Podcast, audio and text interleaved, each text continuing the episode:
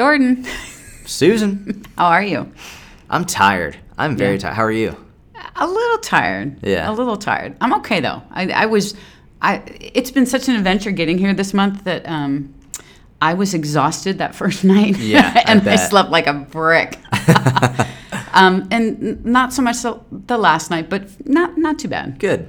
Good. Training's going well. Yeah, yeah. Um, you know, considering everything that's been going on with me, training's been going really well. Good. To be honest with you. Um, you know, a couple days where I'm just so tired that it's, you know, Yeah. those days just suck. Um, but basically, going really well. Excited for the new program. Oh yeah. Thank oh, you. Yeah. Super excited. And and I noticed that's going to be kind of tough. yeah. Yeah. yeah. the one and a half chin up clusters. Yeah, we had a little chat about that. If you've never done a one and a half chin up period in a cluster just by itself, that alone is just ridiculously it's hard because it's so much control. Um, and it's something that I've had to rebuild just because of a recent shoulder situation. Um, and yeah, that's going to be like a project. You know, it's interesting, and this would be a good thing to kind of start off with. Um, I get asked a lot about my training, a lot, and and the one thing that I do every time you give me a new program, I look at it and I give myself goals for this program. I love that, You know, yeah. so as soon as I started doing the one and a half chin ups, um, I actually did them with a band. Yeah, Um, I started off with a band. And so now my first goal with those is to get the first little cluster of three with no band. Because the clusters go three, pause, two, pause, one. Right. Yeah. yeah, yeah. Three, two, and one. So the first goal is three, no band. Then the next goal will be three plus the two, no band, and then three, two, one. Yeah. In in however long it takes me, because I hold on to these now for a long time, just because I this is what I like to do. Yep. Is give myself a goal for, at the very beginning, and and I have to say, if you don't do that. Try doing that this time. Yeah. You know, when you start a new month of a program, if you're in the inner circle or if you have your own programming, whatever, look at your program and give yourself a goal. I mean, you may not get it. I don't always get to the goals I set, but it sure keeps me driven with Yeah. what I'm doing. It's a good way to to make sure you progressively overload over the course of that program. Yeah. Yeah. Yeah. If I was feeling really evil, I would have done the opposite cluster. I would have went one pause, two pause, three. So the last set is the hardest. I was like, I'll, this is very difficult. I'll start with the hardest one first. yeah. Oh my God. Yeah. And uh, that being said, it's the first, but it's also wearing me out for the rest of them. You know, I mean, uh, Jesus, that was that was an eye opener for Yeah. me. You know, like I, I, I got some work to do there. And, and if you can't do chin ups yet, you can always just do one and a half reps on lat pull downs. It's, Yeah. it's the same thing. It's it's just it's you go all you pull all the way down, go halfway up, all the way back down, and then all the way up. And we have videos on one and a half reps in the inner circle if you're in the inner circle and you want to figure out how you can do one and a half style repetitions. But they're an amazing way to not only just make an exercise harder, but it it adds more time under tension, a lot more metabolic stress on the muscle, and um, it, it gives you two chances at the hardest part in the movement, which I really like about a one and a half rep, where the hardest part of a chin up or a lat pull down is uh, from the very beginning. Yeah, Right? So when yeah. you're at the bottom of the movement, when your arms are fully extended, that's the hardest part, and you have to go through twice Yeah. for each rep, which yeah. sucks. Yeah, which sucks big time, big time. I, and I, I, I find I just tend to do these very slowly with control, which makes it probably worse. Hmm. Yeah. Yep. Absolutely. Yeah. Anytime you do it with good technique and good control, it makes it way worse. It's it's so hard. My arms after that, my arms and shoulders were, were just fried. Yeah, yeah, yeah, yeah. I mean, it was great though. It was great. It was great, and it also pointed out how far my shoulders come. Mm. I mean, it's been five months probably, um, and it's come a long way in five months. So, yeah, you know, uh, patience. you is, couldn't you couldn't do anything overhead for a no, while. No, no, no, and and laterally couldn't do anything, and really fairly recently that's come back, but there's still even that a little bit I got to worry about. I Yeah. can feel it, but um, another good point to all of this is just you can always train around stuff. right? Always. Yeah. always. All right, so we got a bunch of questions per usual. All right. We're gonna we're gonna hit it. First one out of the gate: How to train your non-dominant side to keep up with your dominant side.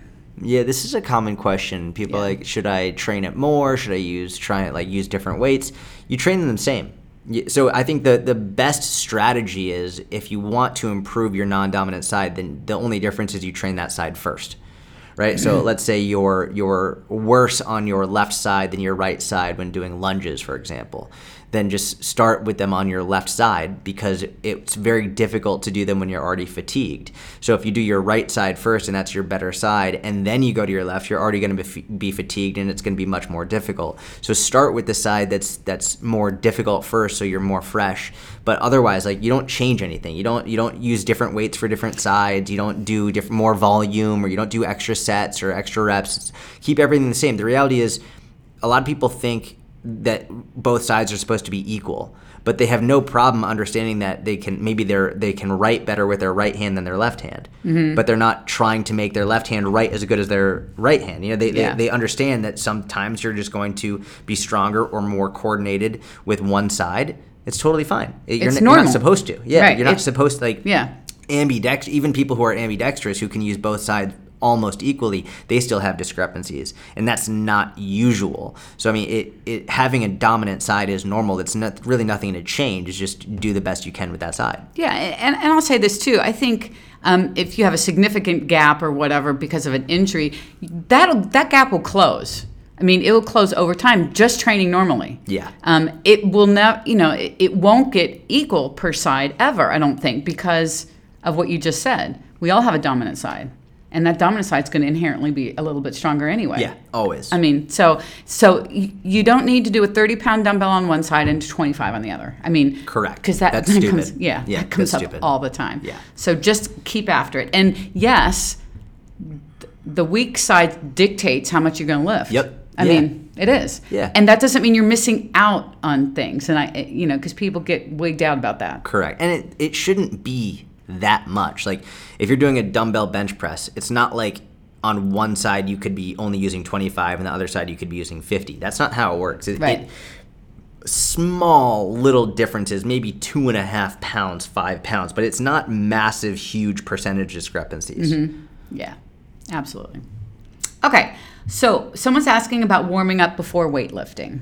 mm-hmm. and just with lots of question marks so i assume the question is should you um, even though that's not in there and then maybe we could talk about what would be a good warm up. Yeah, yeah. So scenario. I think uh, I think some people don't warm up at all, which is stupid, and then other people take the warm up to an extreme and spend way too long Yeah. doing it.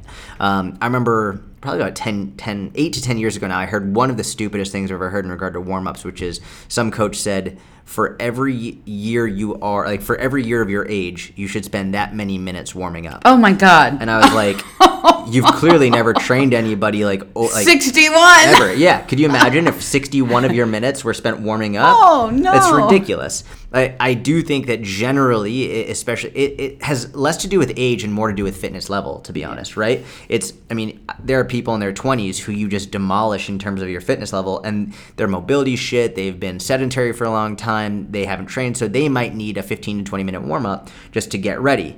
But the reality is, the more untrained you are, the more like the less difficult your workout has to be in terms of the less stressful so you even the warm up can be part of your workout mm-hmm. like you can move into your workout and do movements that might for you be a warm up but for them it's enough to actually get a training effect so c- candidly i don't think there's a reason to spend more than 15 minutes at most warming up and, and for me i usually spend five to seven minutes and that's it Yeah. um, I think generally it's a really good idea to start out with your mobility, right? So a lot of people they'll, they'll start doing glute bridges and they'll start doing push-ups or, or band pull-aparts, which are all great warm-up exercises. But if you're building your stability on top of immobility, you're not actually getting a good range of motion. You're not preparing your body well enough. So first, improve your mobility. So do your thoracic extensions, do your hamstring, um, you do your hamstring stretches or mobility exercises, adductor mobility exercises. Uh, and then from there, after you do your mobility exercises, somewhere about three to five mobility exercises, then you can go into your more activation or stability exercises, whether it's band pull aparts, wall slides, um, it could be some push ups, anything, scapular push ups, any of that stuff. And then from there, you go right in your workout. Yeah. It, it shouldn't be longer than five to seven minutes. And, and if you are really sort of sticky, if you're really like, you're just mobility, ugh, like it's not good, or you've taken several weeks off and you just feel bad, feel free to take a few extra minutes. If you want to, if you want to go on the treadmill or an elliptical and get your heart rate up and get a little sweat going beforehand, you're welcome to. Sometimes I'll go in the sauna if I have that option and, and just heat up a little bit in there. Mm-hmm. But like, you don't need to spend 30 minutes warming up. And, and some people, especially strength coaches who are just getting involved in strength and conditioning, they like, all right, so we're gonna spend like 30 minutes doing all this, and then you're gonna work out. It's like, good luck. Yeah. Like, you don't you don't have enough time or energy, mental or physical, to spend that long warming up and then get a good workout yeah, in. yeah. I, a lot of people always ask me about stretching before they work out. Yeah, like yeah. doing a whole stretch routine or whatever. And and I find it difficult to stretch your body when you're cold. Yeah. Like you haven't you haven't done anything to get the blood flowing yet. Yep. And then you want to stretch that. It's like the, did you have silly putty when you were a Oh, kid? yeah, yeah, You know, yeah, yeah. you get Once to silly putty, it, it's hard, right? Yep. And once you warm it up, you can do whatever. Yep. And it's kind of the same thing. So I kind of think stretching um, before workout is not what needs to be done. I think mobility takes care of all of that. Yeah, so there's there's different types of stretching, right? So there's static stretching, which is more what you're talking about, Yeah. where like you'll hold one stretch for like 30 to 60 seconds at a time. And then there's more dynamic stretching, which is something more where you're moving throughout it, whether it's a leg swing, whether it's an adductor mobilization, even a thoracic extension, where you're moving throughout. You're not just holding one stretch. Um, generally speaking, I would say for most people, especially women, static stretching beforehand is probably not a good idea. Um, and I say for women because generally speaking, women have better mobility than men. Uh, and, and if you look in the research, generally speaking, dynamic stretching is tends to be better before a strength workout because it, it does, you're not just holding that muscle in an elongated position for a long time, which can reduce strength and power output. But I will say for some men, especially for for men who are just like they can, you you just watch them walk and you know that they're stiff. Like they're like, what the hell? Like this person hasn't hasn't moved at all. They have terrible mobility. I actually do have some of them do some static stretching beforehand because they they need it in or like if you just jump them right into dynamic stretching, they're likely to pull something or Yeah. to strain something. Yeah. So start with a low level uh, di- uh, static stretch can be helpful for them. But I think for most people, especially people who are already training and in relatively good shape, starting off with dynamic stretching, then doing your stability work, then going through your whole workout, and then after that doing some static stretching is a good idea. Yeah, and I also want to point out too that if I and I know we both get this a lot about people being very sore, right? And and should I work out because I'm really sore? Mm. And one thing that I have found when I feel that way, I mean, I do go to the gym and I spend a little more time warming up than I would normally, probably. A little more mobility work, maybe some more dynamic stuff. And by the end of that, well, lo and behold, things are starting to loosen up. You feel like the Tin Man who got a little bit of the oil can. Yep, You yep. know, I mean, it's not as bad. And then if you go to your first exercise, you're not going super heavyweight. You're starting to move more, and all of a sudden, it's like, oh yeah, I I actually can move. Yep. You know, I think it's really important. You can do something. I'm sure. Just spend some more time doing some warm up. Yeah, that's exactly right. All righty. the next one, and this is one I get all the time too. How long should my training sessions be? Hmm. Yeah, I mean, there's no there's no definitive answer, right? And and I'm almost hesitant to just give out a recommendation just because if I was going to say something right off the bat, I would say ideally somewhere between 45 to 60 minutes. I think is, mm-hmm. is a good amount of time to get a good strength workout in. But if all you have is 20 minutes, then you can get something great in in 20 mm-hmm. minutes. But usually, if someone only has 20 minutes, either they are terrible at at structuring their schedule and prioritizing time. And because most people i mean I, i've worked with single mothers who work one or two full-time jobs who can still get a great 45 to 60 minute workout in several times a week. But um, there are some people who really struggle to get that in. So there's always something you can do even if it's in a 20 minute window several times a week. But i think ideally in an optimal world it'll somewhere be somewhere between 45 to 60 minutes in order to get everything in that you need to get in. Yeah, I, I think people too lose sight of that the instead of it, it's not like there's a watch that, a timer that starts when you set foot in the gym and at 30 minutes you call it Right. you know it, Yeah. it I, I get asked a lot of times so so what time is the game over and it's like the game's over when the whistle blows Yep, that's yeah. kind of what it Yeah. is and sometimes that game took three hours and sometimes that game took three and a half hours Yep. you know and, and so i kind of look at gym training sessions the same way. I mean, that that 45 to an hour is a good rough mm-hmm. kind of estimate, very typical, but that doesn't mean it has to be that. And then it doesn't mean also that you can't get something really effective going for less than that. Correct. I think people emphasize the time piece of it. And I know it's coming from a point of trying to schedule it. Yep. I get that. And then if you have to drive to a gym and drive back, you have to add that kind of time in as well. Um, so it can be, you know, more time. But I guess the point is that workout's going to be as good as you bring the intensity to it. You Yeah. know, I mean, that's pretty much it. Yeah. Whether it's 20 or 40 minutes. Yeah, I, that makes total sense. I love that analogy. You know, I mean, like if there's more timeouts or an injury or something in the game, then the game's going to take longer. Or if there's Yeah. there's fewer interruptions and no one is running across the field streaking, then it'll go a little bit more quickly. Yeah. Uh, I think generally when you first you get a, a brand new workout program, it's going to take a few minutes longer because Yeah. you're figuring out the movements, you're figuring out where all the equipment is, you're learning the exercises. By the fourth, fifth, sixth week of a program, you know it very well, so Yeah. it'll go by more quickly. Yeah, and then if you're doing a full body workout, that tends to be longer Yeah, too because yeah. you, you're you're hitting more parts, and so. Um, but just general guidelines on that. Just bring the intensity to whatever you're doing. Yeah. All right, the next one, uh, emotional eating. I know, uh, I know, good can't fix it, but in the moment, it's all I want. So basically, I don't. I know think- food can't fix it, but oh, yeah, yeah. food. Yeah, I know food. Yeah, yeah. Um, emotional eating is a big deal. Yeah, it's tough. I mean, it's very difficult. I think I I always feel like I have to say this at the beginning. You should speak with a therapist. Sure. You know, like if, if this is something that you really feel like you're struggling with on, on a deep emotional level, then the best person to go to is a therapist. Mm-hmm. And not, I'm not saying uh, a dietitian on purpose, because a dietitian is not trained at a higher level with this. In And if there's any if there's any dietitians listening who are mad, it's like I'm also saying I'm not trained in this either. I'm not a psychologist.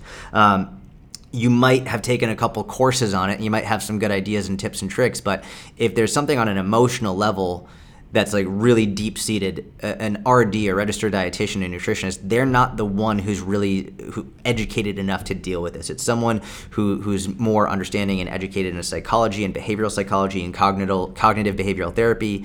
So I would recommend seeing a, therapist to really go over this and make and understand why you're making the decisions you're making and why you're using food as a coping mechanism.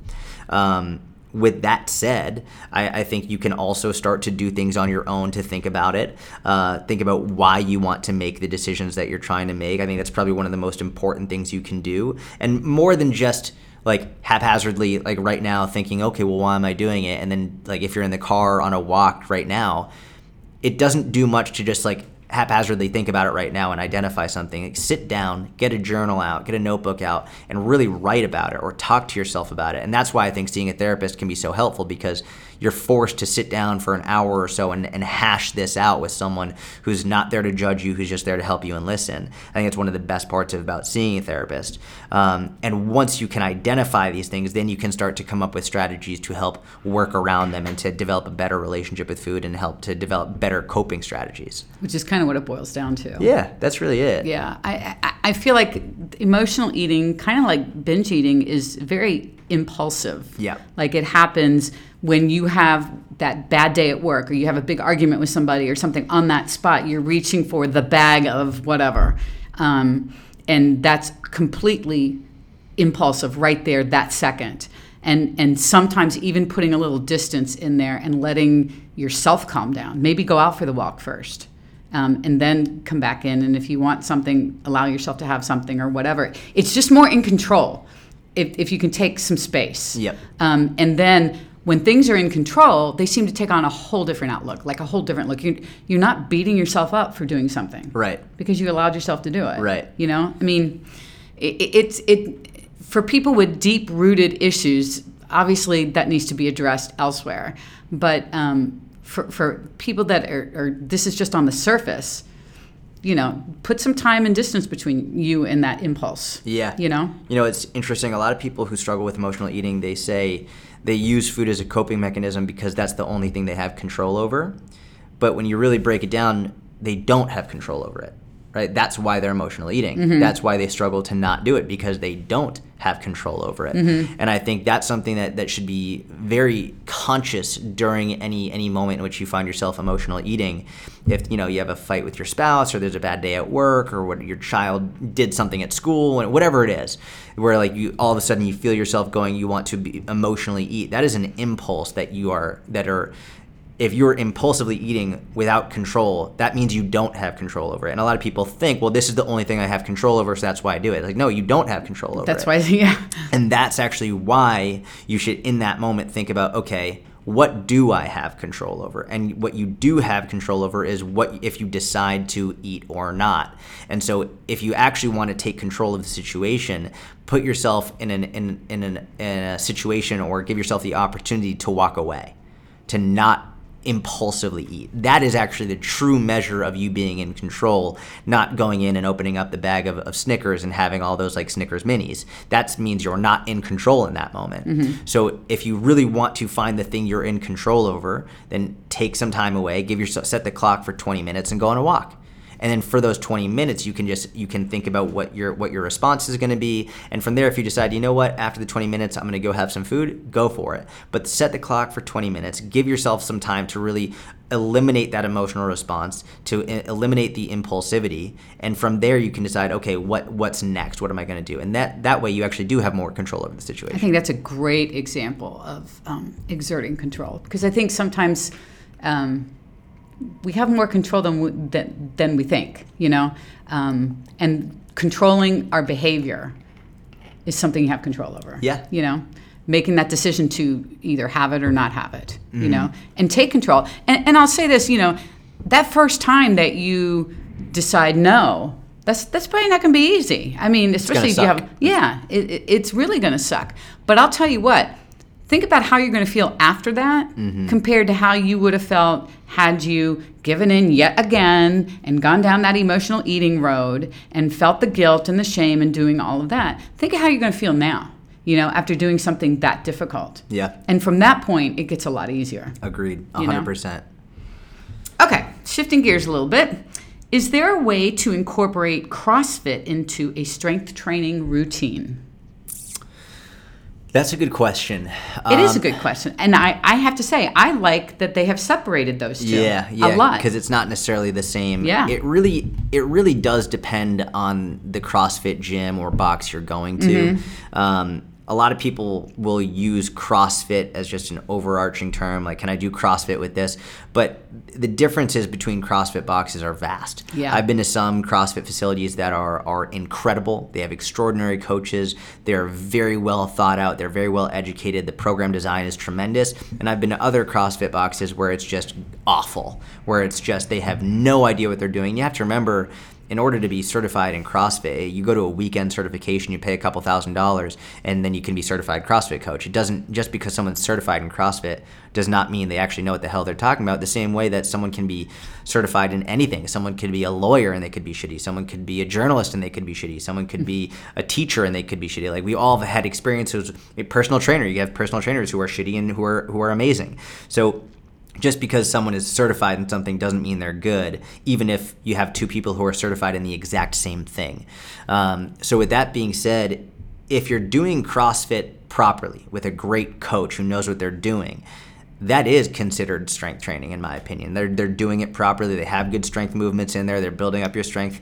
Like if if you're doing it properly, then it should be a good strength training program and that should be plenty if you're not doing it properly, which I see a lot, then they're probably uh, either not loading you up enough and they're just doing tons of tons and tons of cardio based movements, a lot of high energy system training, doing 100 box jumps in a workout, just like doing some really stupid stuff, in which case that's why they have a huge, huge injury rate. Um, so there are ways where, for example, you could incorporate, let's say you wanted to incorporate some CrossFit WODs, right? You wanted to incorporate a couple of WODs a week into your training while you also follow a strength and conditioning program by someone else, you could do that. But I would say the CrossFit WODs should be relatively low intensity. They should not be, you should not be loading them very heavy. They should be more something that you practice as a skill. You also have to figure out what's your main goal? Is your main goal strength or is your main goal CrossFit? Because CrossFit really is, it's a sport in and of itself. Mm-hmm. Right, so you have to decide: do you want to get stronger, or do you want to get better at CrossFit? And there's sort of a Venn diagram there. Like you can do CrossFit and get stronger, and you can also get stronger and still get better at CrossFit. But you have to decide what's your main goal. Is your main goal to get better at the sport of CrossFit, or is your main goal to improve your overall strength and follow that program? And once you decide which one your main goal is, then you can say, all right, you know what, I'm gonna. F-. If you say CrossFit's my main goal, then you can do CrossFit three or four times a week and then a strength program one to two times a week. But if your main goal is to get stronger, then you can strength train three to four times a week and do CrossFit one to two times a week. So you're going to have to figure out which one is your main goal. And then from there, it doesn't mean that can, can only be your main goal forever, but maybe focus on one for six months and have the other one just be a little bit, and then focus on the other one for six months and then have the other one just be a little bit. And you can alternate back and forth. I think that the big problem comes because everyone wants their cake and eat it too, right? Yes, yep. They want to be able to do everything the, the, I, want, I want to do CrossFit and I want to do strength training, or I want to run a marathon mm-hmm. and I want to strength train, you know, or, or I want to lose a lot of weight while, you, you know, I mean, it, they they put competing things together. Yep. And I, I think absolutely you, you have to um, pick your goal. And I, I love what you just said about breaking it down in six month chunks, even. Yeah. Focus on the one, not to give up the other, but one just takes the priority over the other and then flip it you yeah. know? I think that's the best way uh, the best of all worlds. This is the the this is what conjugated periodization is where instead of only doing one and then nothing else which is more of a block periodization approach where you just focus on one thing and let everything else detrain conjugated periodization you focus on one thing but you keep the other things going just enough to maintain the skill and improve. But when people say like i want to do everything it's sort of like when people say I want to build muscle and lose fat at the same time. It's like, yeah, you can over the course of a year, but it's not like you're building muscle and losing fat in a single workout. And if you try and do that all, all that in the same day, in the same week, in the same month, you're probably going to spin your your wheels for years and not make progress. But if you choose one for six months, if you just build muscle for six months, and then you go into fat loss phase for two or three months, then you build muscle again for three months, then you go into fat loss phase for one or two months, then at the end of the year, you've built muscle and lost body fat, and you look in com- and you look completely different, you perform completely different, and you've done both at the same time over that year. Same thing with this example is you could get stronger and you could incorporate CrossFit a couple times a week. And then after six months, you switch and then you really focus on CrossFit and you just maintain your strength or build your strength much more slowly. And over the course of a year, two years, three years, four years, you've gotten insanely strong and you're way better at CrossFit, but you didn't try and do both at the exact same time. Because if you try and do everything at once, you're going to fail. Yeah. I think it, just, it, you're right. It comes down to you have to prioritize. What is the priority right now? Yep and then you can switch it. Correct. I think people just need to see the bigger picture here instead of the immediate because I think that's what's happening. Yep. Okay. The next one. I super rely on on the numbers, have starved, binged. Would not uh, would not logging ever be a reality for me? Would not logging? Yeah, I think it's probably a really good idea to stop tracking your calories at this point. Yeah, well, and I, the the first part of this, um, I super rely on the numbers. That to me has set the kind of what they're thinking there's no way out. Yeah. Just because you super rely on it doesn't mean you you have to do it. Yeah. I mean it, will it be uncomfortable? Yeah. Probably. Yeah. At the beginning. I mean, I, I look at it from the perspective of it's an addictive behavior, right? It sounds like you have a, a addictive behavior that you have right now, and obviously it's different than than say alcohol, which mm-hmm. is an mm-hmm. actual addictive substance. But there are people who are who struggle with alcohol who would say, you know, I rely on alcohol. As soon as they wake up, they're craving it, uh, and it's something they really struggle with. But when someone struggles with alcohol, then they stop. They have to stop in mm-hmm. order to get over that addiction or that addictive behavior. So same thing with this. Like you can say all you want, well, I, I like really rely on the numbers, but the only way to get over it is to stop which is a very uncomfortable thing to do and it's mm-hmm. very scary. But the only way to overcome that is to face the scary thing, face your fear. And and one way to do that, for example, is if you're tracking your calories for every single meal 7 days a week, then the first thing is I would just say for one day of the week, don't track your calories. Yeah. So if you have 7 days where you track your calories, then make for example maybe Monday you don't track your calories on Monday. You do not look at your numbers. But then Tuesday through Sunday, you track. And I would do that for a month. So, four days that month you're not tracking your calories. And then for you do that for a month, and then for the next month you do Monday, Tuesday, you don't track your calories. So then that's eight days for that month where you don't track. And then the following month you do Monday, Tuesday, Wednesday, you don't track your calories. And eventually you get to the end of the week and you're no longer tracking your calories seven months later. Yeah, I think that's a great way to do it because I think oftentimes people will get into the the cycle of this is my justification for doing it, right? Yep, yep. They, they, they, they won't stick their toe in the water because it's going to be too cold. Yeah. You know, it- you you have to take that chance and doing it like, like you said, one day a week. That's the way to stick your toe in the water. You know, Correct. and then it's a little bit more, and the next month, and then a little bit more. And p- people always come back with, well, you know, I'm still calculating in my head. Well, okay, I mean, you know, that's going to happen. Yeah. That's okay. Yeah, it's a habit. Yeah. But stop. Yeah. Like, it, and once you start realizing, oh, okay, I'm calculating the calories in my head, be like, all right, fucking stop. Yeah. Don't allow yourself to do it. And obviously, you're going to do it a little bit because you've developed that skill, which honestly is actually a really good skill to have. Mm-hmm. But to go from from meticulously tracking in an app and, and looking at everything to only doing it in your head, that's progress in and of itself. Oh, absolutely it is. Absolutely it is. Okay. Tips for dealing with anxiety feels crippling. Yeah, I mean that's anxiety sucks. Mm-hmm. I think uh, I think on some level everyone struggles with it. Also, over the last two years during the pandemic, it's been something that I've noticed a lot more people, including myself, have struggled with. Um, another thing that I would also say, definitely speak with a therapist about. You know, this is something that you know I see a lot more people talking about therapy, and it's I'm so happy to see that more and more people are talking about it and and uh, and making it more more normal. Um, I think that there is sort of a stigma around it, which is, um, you know, it's funny because even when I like I've been to a therapist, I've seen a therapist. I'm not seeing one right now, but even me, who is a huge proponent of it, like even when I hear like I'm going to go to therapy, you get this gut response, like ooh, Yeah. ooh, is everything Yeah. okay? Yeah. You know, but it's it's it's important to keep saying it and keep talking about it so that we can try to remove that initial gut feeling as much as possible. But I, I think if you're struggling with anxiety, I think it's one of the best things you can do. I I think it's good for anybody and everybody, regardless of the situation, just to practice vocalizing what's going on and to mm-hmm. be a good therapist is not just going to agree with everything you say. They're actually going to challenge you to to think in different ways, and they're going to be a really good soundboard for you to start realizing what's causing you the anxiety and how you can overcome it. I think uh, for me, one of the best things that's helped me with any anxiety that I've had is anytime I'm feeling anxious, is just to vocalize in that moment why I'm feeling anxious. Literally, in in that moment, I will just start literally having a conversation with myself out loud. Be like, all right, Jordan, why are you feeling anxious? And I'll be like, okay, well, you know, so and so sent me this message on Instagram and it really upset me. And I'll be like, that's fucking stupid. That's why I'm anxious. Like, I'm anxious because Johnny52 sent me a message on Instagram saying that, like, I'm an idiot. Like, okay, relax, whatever. And I can move on. And literally just vocalizing it is one thing that can really, really, really help you because I think the vast majority of us have been in a situation where we get really upset, for example, you get really mad. Maybe your your boyfriend, girlfriend, husband, wife, whatever did something that pissed you off. And then and you get on the phone with a friend and you're like, oh, you won't believe what's going on. And they're like, what's going on? Tell me. And you're like, ah, well, uh, and you're about to tell them, and all of a sudden you're like, this is going to sound really silly, but, and then you explain it to them, and the reason you prefaced it with, this is going to sound really silly is because when you were just thinking about it in your head, all of your emotions were angry and it was just like stewing like a like a soup in a pot.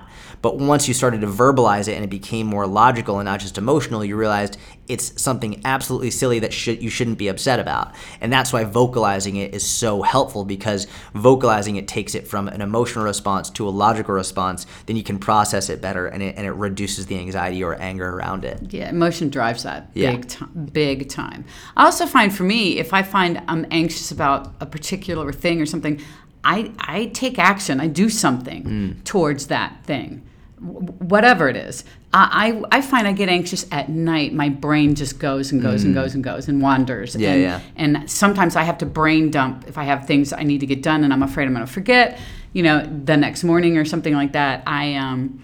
I, I will brain dump right before I go to bed. Yep. Some kind of action so I can get that now off my brain and I can now start to relax. I like that. I think it, it it's it is it is something that is way more prevalent now than we've I think we've ever seen. Oh, All yeah. different levels of anxiety. Absolutely. You know, and it, it and this person said crippling. If it's crippling, then definitely, yeah, see a therapist. Yeah, I would also strongly consider getting off of social media. Yeah. Like I I without question notice that the more I'm on social media, the more anxious I get. I've tracked my blood pressure when I'm using it consistently versus when I'm not using it. My blood pressure is consistently higher when I use social media versus when I don't. Um, and I think it's interesting because this is the first time in the world in which, especially with the news and politics and all of that, it's in our face 24 7. Mm-hmm. As soon as you open social media, it's right there all the time. Never in history has that ever happened before. I mean, I th- like, in, we've gone through different phases of okay, you have the newspaper, or and then you you have the radio, and then all mm-hmm. this other stuff. But you could turn it off, or it wouldn't be in your face all the time. You'd be at work. But now, no matter where you are, you open up your phone, you go on social media. Boom, there's an Instagram Yeah. about it. Boom, Yeah. there's a TikTok about it. Boom, there's tweets and a whole like cesspool of tweets about it. It's nonstop. Mm-hmm. It's just always in your face. And it creates this false idea that everyone is is angry and divisive and mad at each other and, and the other side is evil and it's just not the case. It creates a very false reality, which if you really think about it, it's putting you in a, a fight or flight response. Yeah, it as, certainly is. As soon as you walk out the door, you're wondering what side are they on? Are they are they going to hurt me? Are they like evil? Whatever it is, it's like the vast majority of us are really very good. Yeah. The, uh, the vast majority of are very good. The extremes on either side can be very dangerous. And actually, it's funny because the extremes on either side are really very much alike. Very- they're, they're very similar if you really think about it. They very much Um, are. It's just yeah. So so but the extremes on either side are such a small percentage of people. They're just very loud and they're very good at getting their opinions out there. So I think honestly getting off social media is probably one of the best things you can do. Oh, I would totally agree with that. I think that's great. I, I think if, if my business didn't rely on social media, I wouldn't be on it. I would probably have a flip phone, to be honest. I would say I think I would be very close to that as well. Yeah. Very close to that. It it seems to get more and more anxiety producing, you know, Yeah, all absolutely. the time. Absolutely. All the time.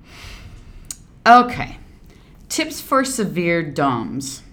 I struggle to walk after leg days. Yeah. So DOMS is delayed onset muscle soreness. It's just a fancy way of saying muscle soreness. So anytime you hear someone say DOMS or delayed onset, mu- people are like, well, what's the difference between soreness and delayed onset muscle soreness? Same fucking thing. Yeah. It's the exact You're sore. same thing. You're sore. That's it. Um, soreness, oftentimes you'll find starts between 24 to 48 hours after that workout. So usually you're not doing a work like you might be like tired and your legs might be shaky immediately after a workout, but the soreness doesn't really start until 24 to 48 hours after. That's why it's called delayed onset muscle soreness. Um, so, I mean, there are, are many, many considerations here. Number one being uh, genetics do play a part in it. Genetics do play a role in how sore you get. So there are some people I know who can who can generally handle a very high volume and have less soreness than someone else who who handles a lower volume and they're d- demolished. So you have to pay attention to how much you can handle as an individual. Um, the other things that that play into consideration here are number one, like how often are you lifting lower body? Are you doing it three, four, five times a week? Because you don't need that much. I think one to two times a week is plenty. Are you doing way too much volume? Are you doing weight like too high intensity, too much weights? Um, I think these are probably the most important factors at play here. You can also look at are you are you really uh, trying to control the movement so much at, at such a if you the, the more of an eccentric you have, the more of a slower concentrated movement you have the more the more terrible the DOMS is going to be, the Yeah. more awful the soreness is going to be. Which doesn't mean stop doing the slow eccentric because you need that in order to actually uh, work your muscle through a full range of motion and to get the best results. But if everything is done with that super slow eccentric, you might want to maybe increase the tempo slightly so you're not putting your all of your muscles under that much stress for every single movement. I think that's a great strategy. And and we kind of touched on something earlier too about even even when you're sore, move. Yeah, Move Yeah. because your body's trying to tell you, don't move. I'm too sore. And you have to tell your body to shut up. This is the one time you probably don't listen. You need to move. And that I mean this person said walking, but you need to walk because the more you walk, the less uncomfortable it will be as you continue to walk. Correct. Right? Yeah. The first couple steps could be a pain in the I mean, it could be awful. I get it, but it will get better. And and we I mentioned earlier about doing an extended warm up in the gym. Um, that's why, because as you warm up your body and you move some more, it's going to get less and less and less. That would actually be a really good time to start doing some static stretching as well. Yeah. Like when you are very sore, uh, just start doing some static stretching. It's going to suck, it's going to hurt, but it, it actually does help. It gets more blood flow to the muscles, which is super important. But I really think, you know, a lot of people will answer this question with make sure you're hitting your protein, make sure you're getting enough sleep, which, yes, it's all important. But the reality is, if you're constantly outrageously sore after your your workouts, you're doing too much. Mm-hmm. Like you should not be debilitatingly sore every single time. If you're starting a new program, then it makes sense that you'll be more sore the following couple of days because it's a brand new stimulus that you have to adapt to. But once it gets to week two, three, four, five of a program, you shouldn't be debilitatingly sore. And Yeah. if you are every single time, you're doing too much. You're going too hard, which means you got to scale back a little bit. Yeah, absolutely. Okay, how to curb sweet tooth, especially after meals. It's a tough one. It's a tough one. You know, it's uh, it's difficult for many reasons, not least of which is because it's delicious, right? Right. Um, sometimes sometimes people get mad at me when I say this, but y- you sort of have to figure out how how intense the sweet tooth is because some people will say how do i curb a sweet tooth and all they're saying is oh you know i just like a little popsicle other people say how do you curb a sweet tooth and what they're really saying is like i'll eat the entire fucking bag of hershey's kisses Yeah. it's two different things Yeah. um, so if you're the person who's just like, oh, I just, I, you know, I, I'd like a little chocolate pop, um, and that's it, then you're good. Like, there's nothing to really stop there. You're welcome to have that. I don't think that's an issue. If you're the person who you you use the sweet tooth as a justification to eat an entire bag of Hershey's Kisses and Twix and Snickers and all this stuff, that's a different fucking problem. That's a more serious issue. And actually, with those people I've found, it's much more important to instead of trying to moderate it, it's actually best to completely eliminate it for a brief period of time. Because if you take anyone who's struggling with something and you just try and go cold turkey, it can be unbelievably difficult. Now, some people do well with the cold turkey. Uh, I mean, sorry, not I said that backwards. If you take someone who's struggling with with whether it's alcohol or an addiction or whatever it is, and you try and have them do it in moderation, it's very difficult. That- yeah. It's like very Yeah. difficult to take someone who has an extreme relationship with something and and just say, well, you know, just have it in moderation. Like, good fucking luck. Even people who who struggle like with peanut butter. There are a lot of people who really struggle with peanut butter in the house. They'll be like, well, I'm either going to eat the entire container or nothing at all. It's like, and, and they'll often find themselves eating spoonfuls of peanut butter out of the jar until the thing is empty. And I think for them, the best thing you can do is try and go cold turkey, remove it for a little bit, so it's not even in your sight. It's not even it's not there at all. So there's no option.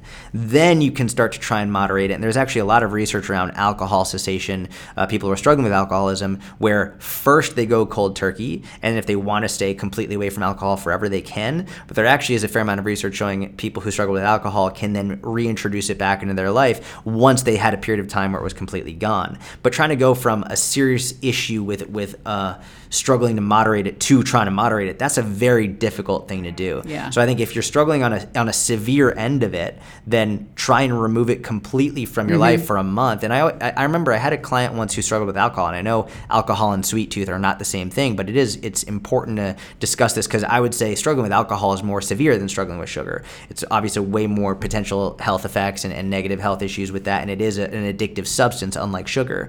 So I remember I had a client who she she didn't make any progress with me for about three months and she was having like 15 drinks a week. She was drinking a lot of alcohol and basically she was like i want to make progress but i don't want to stop drinking. And, and after three months she hadn't made any progress and she was like what's going on? I was like well candidly you're drinking like an asshole. Like you're drinking way too much. You're going over your calories. Like you can still drink but this is too much.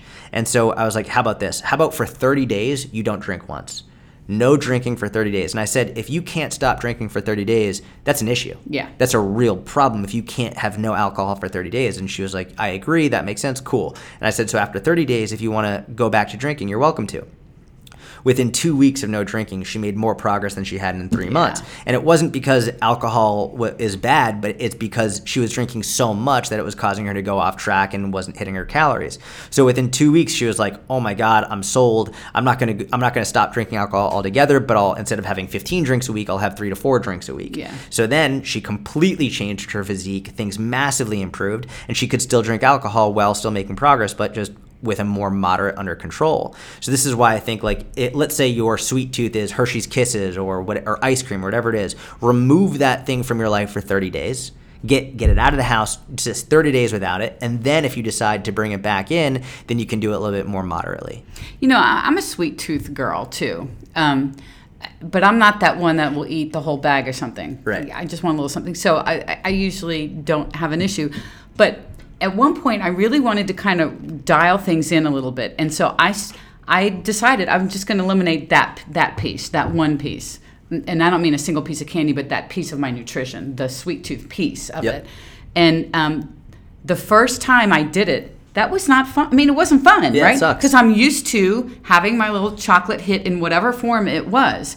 Um, but on the again, when you think about the other side of that, it was like it was a piece of cake. Yeah. Bad pun. um, um, the next time Yeah. I wanted to do it, right? Yeah. It was just I, I was uh, you know you're afraid I'm not going to survive. You know, of course we're going to survive. What you're really doing is you're depriving yourself of a dopamine hit. Yeah. You're Yep. you're expecting a hit of dopamine, whether you're consciously aware of it or not. You get excited because Yeah. I'm gonna have this because and your brain is is expecting this hit of dopamine that's going to come from it. And when you deprive yourself of that, it sucks. Yeah. Like Yeah. it's you feel like, oh my God, da da da da and it can be very difficult because and we see this in mice. And like it's crazy how much similar how similar we are to mice in sort of like an experiment Yep. right? It's like it, obviously there are huge physiological differences between humans and mice, but we can act a lot like mice. We certainly we, can. We have this funny cartoon character of a mouse in a, in a maze with cheese at the end of it, and it's like we act very similarly. And you can see that mice will struggle with if we're depriving them of dopamine, and we often do the same thing where it's like when you deprive yourself of the dopamine hit that you expect, it can be very difficult. Maybe you find yourself getting stressed or anxious or angry, and you get short with your spouse or your kids.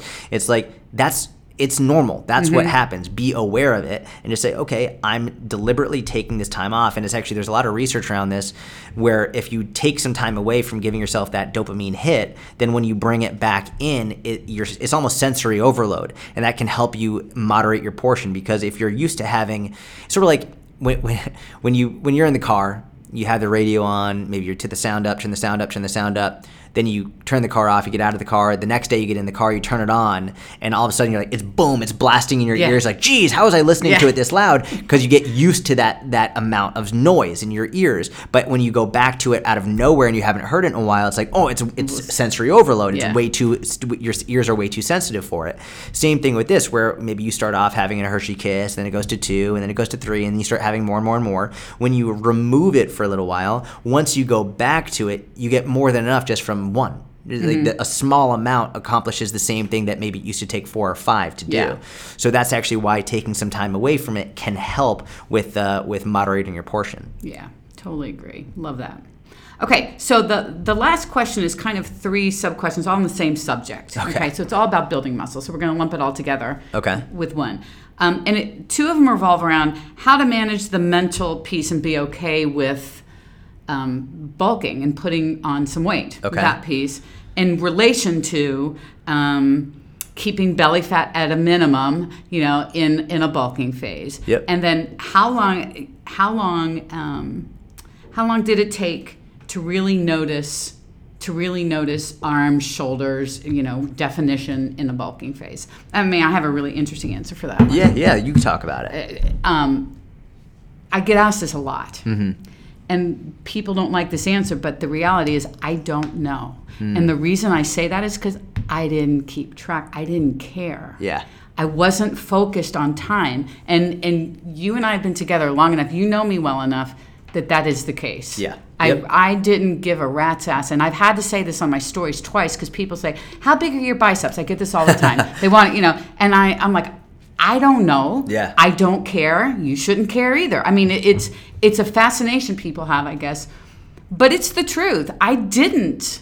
I did not keep track of time Yep. ever on this. So when people say how long, all I can say is years. Yeah. It's been years and I'm still a work in progress. And I think if you can take take a step back and start enjoying what you're doing a little bit more and and um, giving yourself these little goals along the way, get get caught up in that Yeah. It stuff just kind of happens, right? Mm-hmm. But it, it's it's a I don't have the stats. Yeah. I'm not a stats girl. I don't know. I don't know. Six months. It was years. It's been years. That I do know. yeah, know? yeah, it's a long time. It's a really, it's a long time. Yeah. I think the reason people will get frustrated and quit is because they're so focused on. It's like they they do one workout and then they pick their shirt up and they check out their abs in the mirror. It's like fucking relax. And I've been that guy where it's like, oh, I do one workout. Where are my abs? How much longer is this going to take? Like I was that guy when I was younger. I get it, but the the more you can just be in it for for enjoying. That's why I actually think. And I was about to say the whole cliche, just be in it for the process. And I I get it. It's fucking annoying when people say that. I was about to say it and I was like, shut up. That's obnoxious. But like. That's one of the things I liked about how you said at the beginning of the podcast, where when you look at the program, you set goals for yourself at the beginning of the program. That way, you have these performance based goals that will lead to aesthetics down the road, but you can actually enjoy the process of that program by setting goals for yourself from the very beginning. So, this is what I'm going to achieve, this is what I want to get by the end of this program. And that way, you, you have these mini goals along the way that mm-hmm. allows you to enjoy the process. It gives you that's a more practical way to say enjoy the process is set mini goals for yourself from the very beginning of a new program that are performance based and then over years you will get a better physique you will like the way you look better you'll get more muscle definition all of that stuff.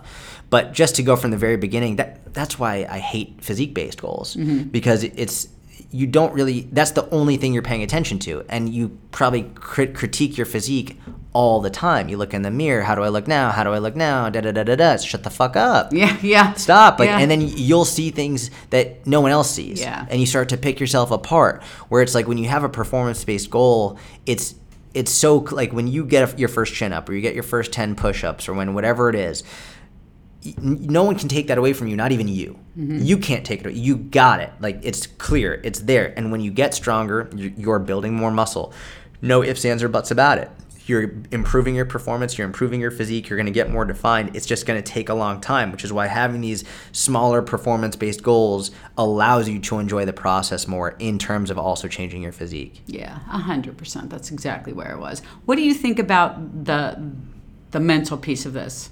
For and, and for a lot of women, I mean men too, but for especially women who are who want to build muscle, who really want to give a, a small surplus a, a shot, and um, they're you know terrified of getting big. You know, we we go to these extremes in our head of what's going to happen.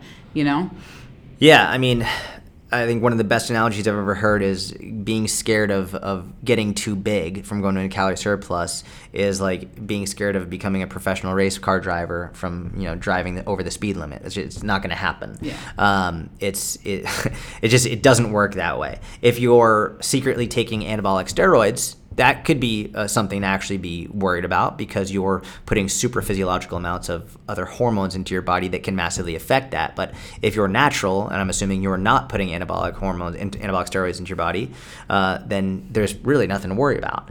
Um, there can be the the fear of putting on too much body fat, which I understand that, and I think men struggle with that equally as women. And I think a lot of women hear me say that they're like, "That's not true. That he doesn't know what it's like to be a woman." It's like, cool, you don't know what it's like to be a man. Amen. like, I- Amen. and I've worked with enough people, enough both men and women to know that they both struggle with it. I just think men are less likely to discuss it and way less likely to vocalize it to women, Mm-hmm. especially because women will say, We want a confident man. It's like, cool. So you want a confident guy. So why the fuck is he going to say he's insecure about his body? Yeah. Right? It's like that's the exact opposite, uh, opposite of how they perceive confidence Yep. is.